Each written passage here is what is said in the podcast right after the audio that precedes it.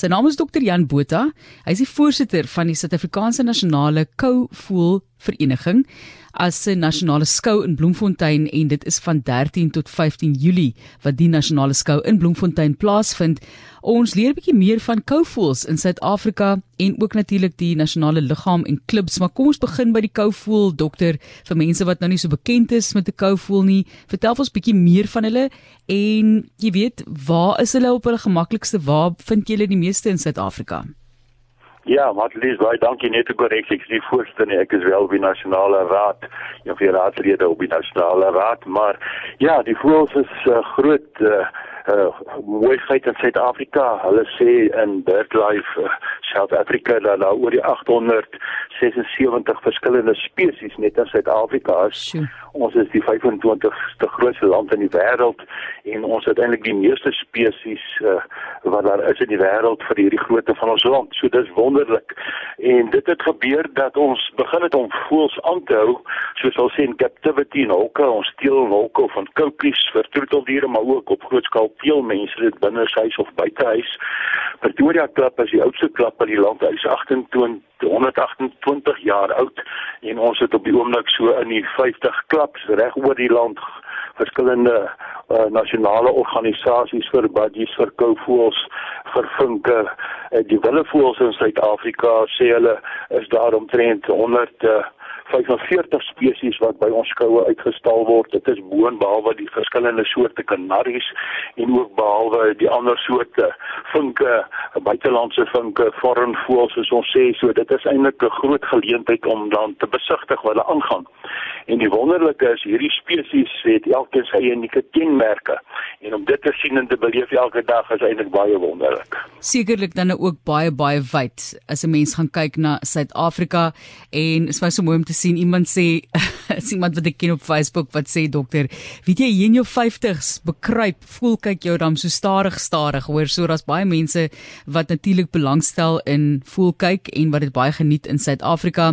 So baie verskillende spesies. Kom ons kyk na hoe die skou ook dan nou daai verskillende spesies verteenwoordig. Verduidelik asseblief vir ons hoe baie gaan julle daai hê? Wie kom tentoonstel byvoorbeeld daar? Ja, Ons uh, het elke jaar kompskoue en hierdie is die kulminasie van die jare jaarlikse winterskoue wat nou eintlik meer die kanaries is en dan het ons ook in die somer gewoonlik hier September en Januarie het ons vir die willevoëls die godiens en die zebra van kan die ander willevoëls 'n skou wat hulle vergeer nou en is nou maar bleek vir al die wyfies maar die mannetjies ook.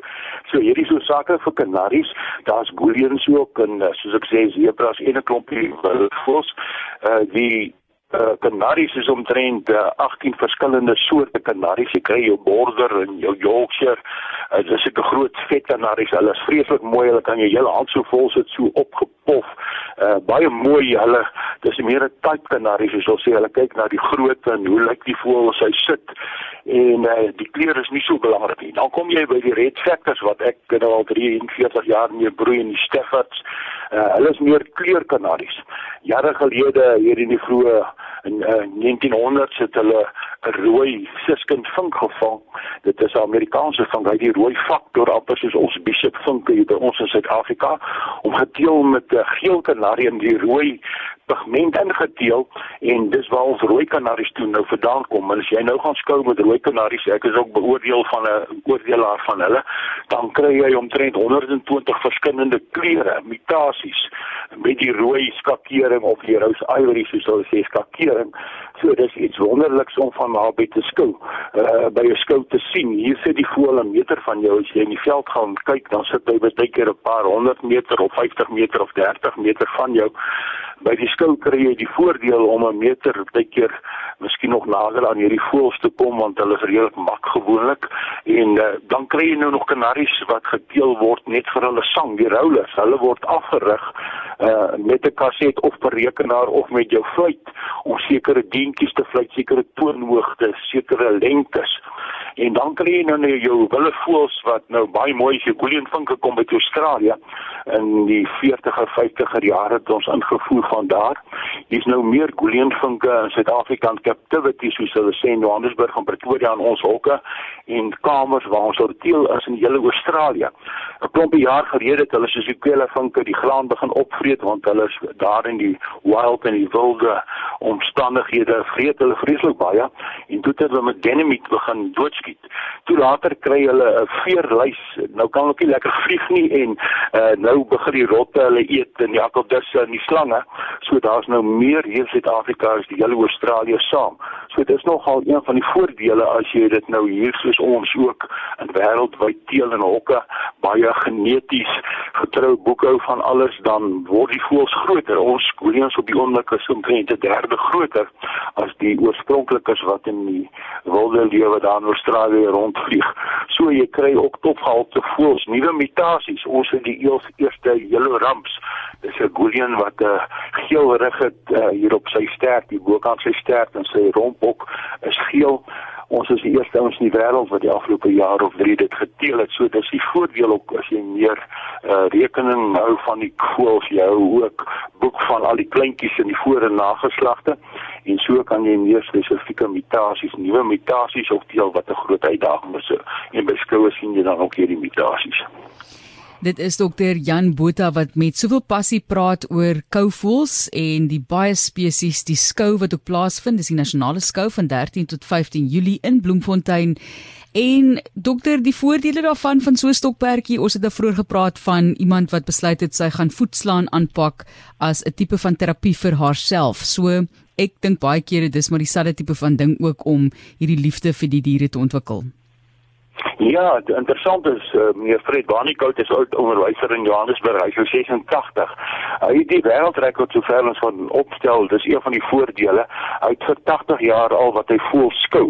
So hy is die oudste skou lewende uh voelteeler in die wêreld en uh, Fred is nog op en wakker. Hy's nog steeds by die voelbestuur betrokke. So baie ouer persone hou voels aan sommer net vir die lekkerte, die die sang en vir die kleur en die beweging uh, jy kan op 'n paar rand maak. Ek sê altyd vir kinders, man koop 'n paar voeltjies, jy kan die volgende paar betaal jou uitgawes en die volgende kleintjies maak jy wins mee. So dis lekker sak geld. Jy leer om iets te verdien. Vir mense wat afgetree het, kan jy 'n paar rand in inbring as jy nou slim werk. Uh, jy bewaar sekere spesies dat hulle nie uitsterf nie. Die genepool is ander groot voordeel. Jy vergroot en verbeter die genepool van van hierdie spesies soos beeste, skape, visse en dinge wat jy meer uh, nou gesê teel uh, nuwe spesies soos ek gesê die hele raps en ander spesies word geteel om 'n voeltjie te versorg en te koester is uh, neem verantwoordelikheid. 'n Kind neem verantwoordelikheid om te kyk na die voeltjie, 'n ouer persoon. Hulle het wêreldwyd navorsing gedoen het van die beste terapieë. Ek is nou al 37 jaar in die pastoraal spreekkamer. Ek sien baie keer vir kinders, jong mense, ou mense, siek mense, gestremdes koop 'n voeltjie of voeltjies versorg hulle en dit laat jy opstaan in die oggend. Dis goeie terapie. Dit gee sin aan die lewe en maar hierdie skoonheid ook hierdie verwondering. As Christene sê ek net dit gaan oor God wat vir ons hierdie diverse klomp voels gee in die natuur wat ons aanhou hier in die kamers in die buitehoeke en jy beleef God direk of indirek ook deur hierdie skepping wat hy so aan ons openbaar. En toevertrou dat ons medeskeppers kan wees van 'n meer geloofwaardige wêreld en ook hierdie voels en geslagte wat kon uitsterf in bewaring kan nou nog so verskil maak. En by die skou gaan kyk jy nou lekker mooi na die voels daar's ook te koop. Mense kan skakel voels te koop verskillende spesies en daar's baie wenke beskikbaar en as persone wil begin kan hulle enige tyd kontak maak en ons sal help waar ons kan.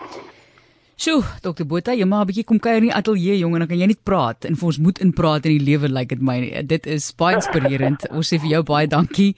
Hy is op die nasionale raad van die SA Nasionale Kouvoel Vereniging en is die nasionale skou in Bloemfontein van 13 tot 15 Julie. Net vinnig, waar kan mense meer inligting kry? Hulle kan my skakel op my persoonlike lyn by spreekkamer, die pastoraal spreekkamer 012 546 3545 of hulle kan my by selfoon skakel by 076 481 5683